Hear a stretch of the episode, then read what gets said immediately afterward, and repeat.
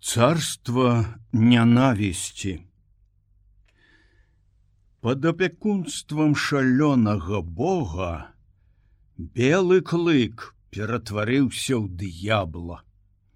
Зрабіўшы ў канцы форта загарадку, прыгажун Сміт прывязаў белага клыка на ланцуг і пачаў даводзіць яго да шаленства невялікімі, але пакутлівымі нападкамі.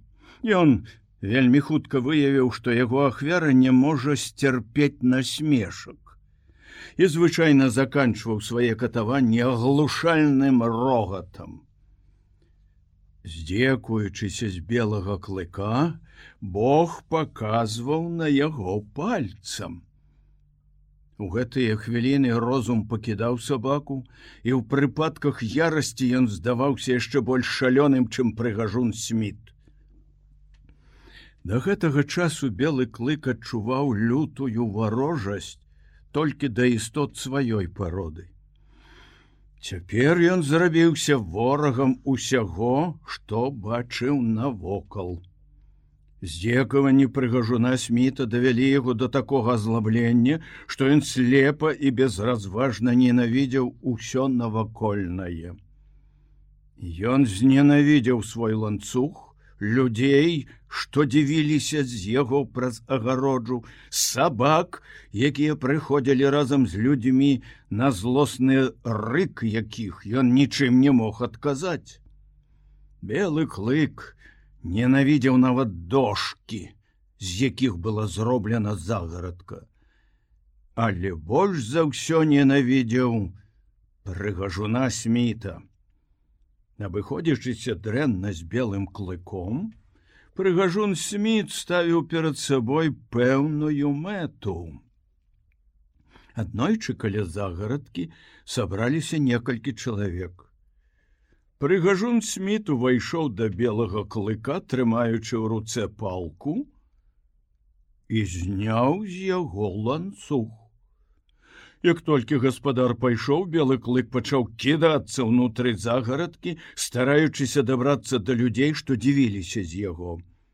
Белы клык быў вельмі прыгожы у сваёй ярасці поўных 5 футаў даўжыню і два з паловай вышыню, ён важыў значна больш любога ваўка тых жа памераў.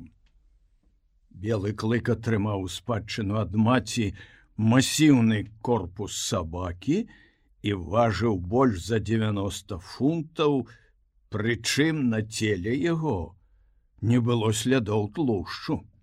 Ён складаўся з адных мускулаў касцей сухажылляў, і уяўляў сабой вельмі прыгожы арганізм, нібы спецыяльна створаны для бітваў.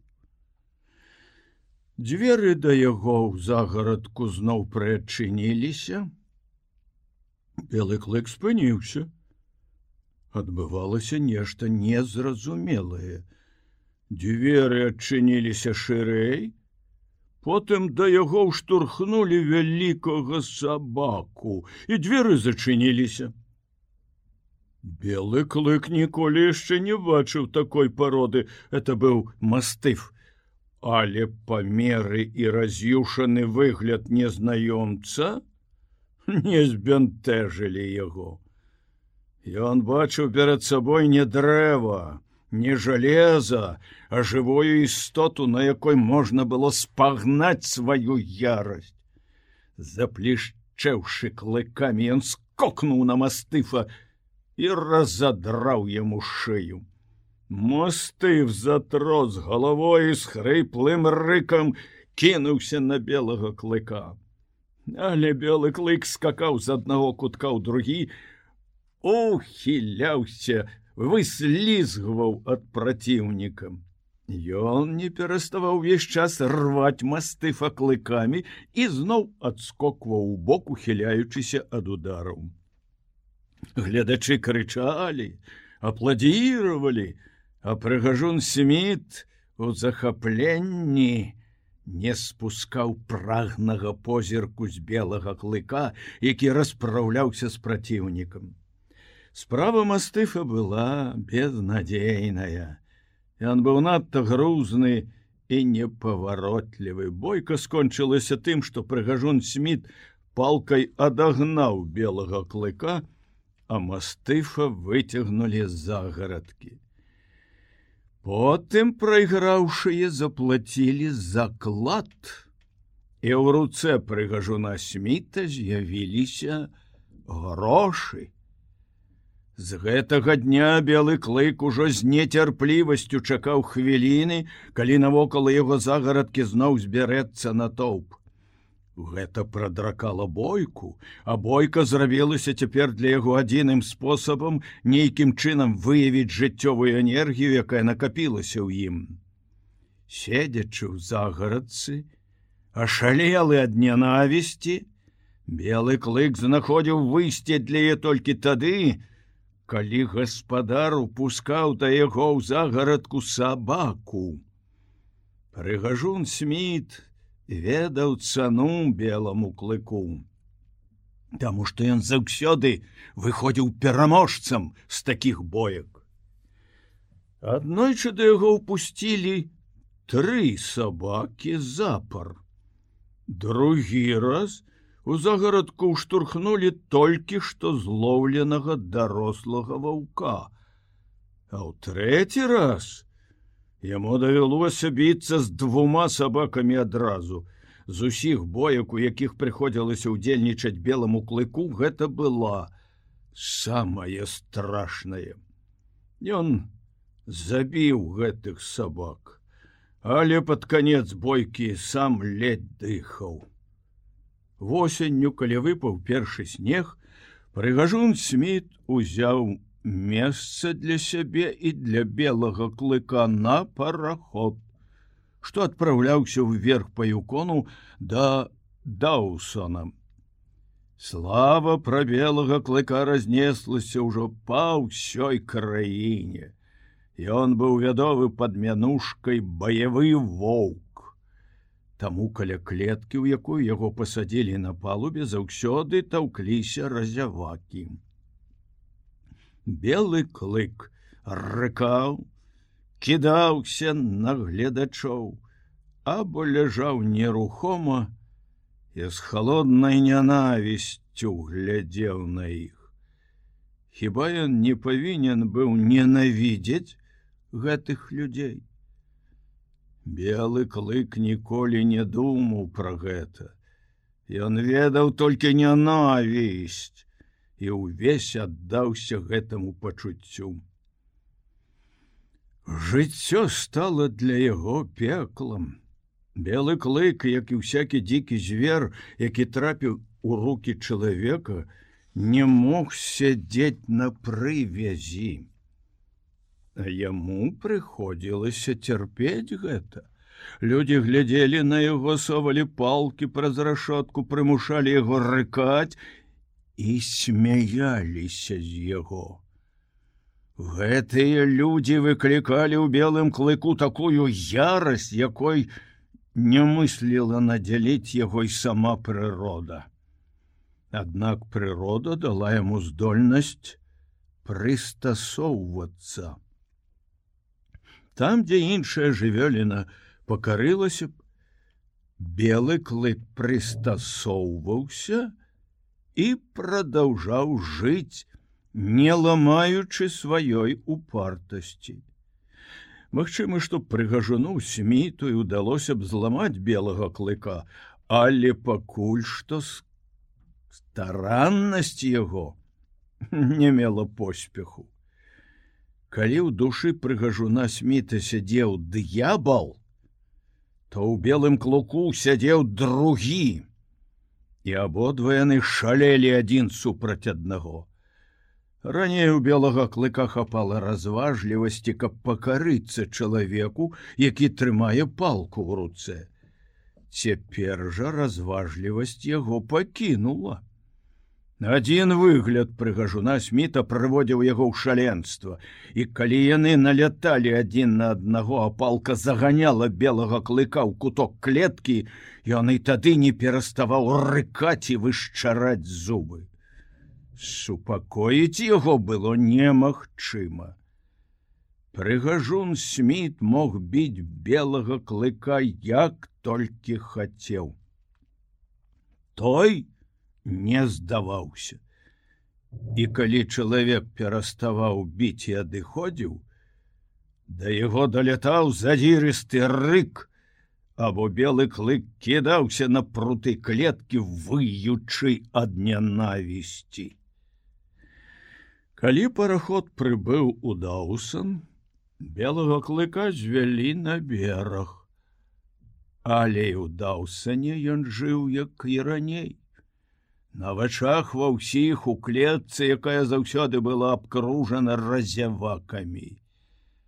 Прыгажун сміт выставіў на паказ свайго баявога ваўка, і людзі плацілі по 50 цэнтаў залатым пяском, каб паглядзець на яго. У белага клыка не было ні хвіліны спакою. Калі ён спаў, Яго будзілі вострай палкай, каб гледачы атрымалі поўнае задавальненне за свае грошы. А для таго, каб зрабіць прадстаўленне яшчэ больш цікавым. Белага клыка заўсёды трымалі ў стане лютасці. Але горш за ўсё была атмасфера, у якой жыў белы клык. На яго глядзелі як на самага страшнага звера, і гэтыя пачуцці людзей прасочваліся праз пруты клеткі. Кожнае слово, кожны асцярожны рух пераконвалі яго. Людзі баяцца яго лютасці. Гэта толькі падлівала масла в агонь і раз'юшанасць белага клыка расла з кожным днём. Апрача таго, што прыгажун сміт выставіў белага клыка на паказ, ён зрабіў з яго прафесійнага байца. Як толькі з'яўлялася магчымасць наладзіць бой, белага клыка выводзілі з клеткі, вялі ў лес за некалькі міль ад горада. Звычайна гэта рабілася ўначы, каб унікнуць сутычкі з мясцовай коннай паліцыяй. Праз некалькі гадзін на досведку з'яўляліся гледачы і сабака, з якім яму трэба было змагацца. Белому клыку даводзілася сустракаць праціўнікаў сіх парод і ўсіх памераў. Ён жыў, у дзікай краіне і людзі тут былі дзікія бойкі звычайна заканчваліся смерцю белы клык продолжаў прымаць удзел у баях значыць паміралі яго праціўнікі ён не ведаў паразы баявая загартоўка атрыманая з дзяцінства калі яму прыходзілася змагацца з ліп-ліпам і з усёй зграі маладых сабак прыдалася цяпер. Белага клыка выратоўвала цвёрдасць, з якой ён стаяў на зямлі. Ні аднаму сабаку не ўдавалася зваліць яго з ног. Сабакі, у якіх захавалася яшчэ кроў іхніх далёкіх продкаў, ваўкоў, пускалі ў ход свой улюбёны прыём кідаліся на яго прама або забягалі з таго боку, адкуль ён не чакаў нападу, разлічваючы ўдарыць у плячо і перакуліць да гары. Ганчакі з Макензі, эскімоскія і лабрадорскія сабакі, все выпрабавалі на ім гэты прыём і нічога не дабіліся. Не было выпадку, каб белы клык страціў раўнавагу. Людзі расказвалі аб гэтым адзін аднаму і кожны раз спадзяваліся ўбачыць яго зваленым зноў. Але белы клык нязменна расчароўваў іх. Апрача таго яму дапамагала маланкавая хуткасць, якая давала велізарную перавагу над праціўнікамі. Нават самыя спрактыкаваныя сярод іх яшчэ яшчэ не сустракалі такога суперніка, які б так мог ухіляцца. Сабакам прыходзілася лічыцца з нечаканасцю нападу белага клыка. Сабакі былі звалены з ног раней, чым уступалі ў бойку. Это здаралася так часта, што белага клыка пачалі стрымліваць, каб даць яго праціўніку магчымасць выканаць рытуал і першым кінуцца ў бойку. Самую вялікую перавагу давала белому клыку яго спрактыкаванасць. Ён разумеў сэнс у бойках лепш любога сабакі, з якім яму даводзілася сустракацца. Ён біўся часцей за ну, за іх усіх, умеў адбіць любы напад, а яго ўласныя прыёмы барацьбы былі больш разнастайныя і наўрад ці мелі патрэбу ва ўдасканаленні, але паступова біцца прыходзілася ўсё радзей і радзей, Аматары сабачых баёў ужо страцілі надзею знайсці белому клыку вартага суперніка. І прыгажуну сміту не заставалася нічога іншага, як выстаўляць супраць белага клыка ваўкоў. Індзейцы лавілі іх пасткамі спецыяльна для гэтай мэты. Бойка белага клыка з ваўком нязменна прыцягвала натоўпы гледачоў. Аднойчы ўдалося раздабыць дзесьці дарослую самку рысь. І на гэты раз белому клыку прыйшлося адстойваць у бойцы сваё жыццё. Рысь не уступала яму ні ў хуткасці рухаў, ні ў лютасці і пускала ў ход, зубы вострыя кіпцюры, а белы клык дзейнічаў толькі зубамі. Пасля бойкі з рыссю баі спыніліся. Белому клыку ўжо не было з кім змагацца. Ва всякім выпадку ніхто не мог выпусціць на яго вартага праціўніка. Ён прасядзеў у клетцы, выстаўлены на паказ да вясны. Калі ў Даўсон прыехаў нехта Тім Кінен по прафесіі карцёжны гулец. Кінен прывёз з сабой бульдога. Это быў першы бульдог, які з'явіўся ў кландайку. Сустрэча белага клыка з гэтым сабакам, была немінучай. У некаторых кварталах горада бойка паміж імі цэлы тыдзень з'яўлялася галоўнай тэмай для гутарак.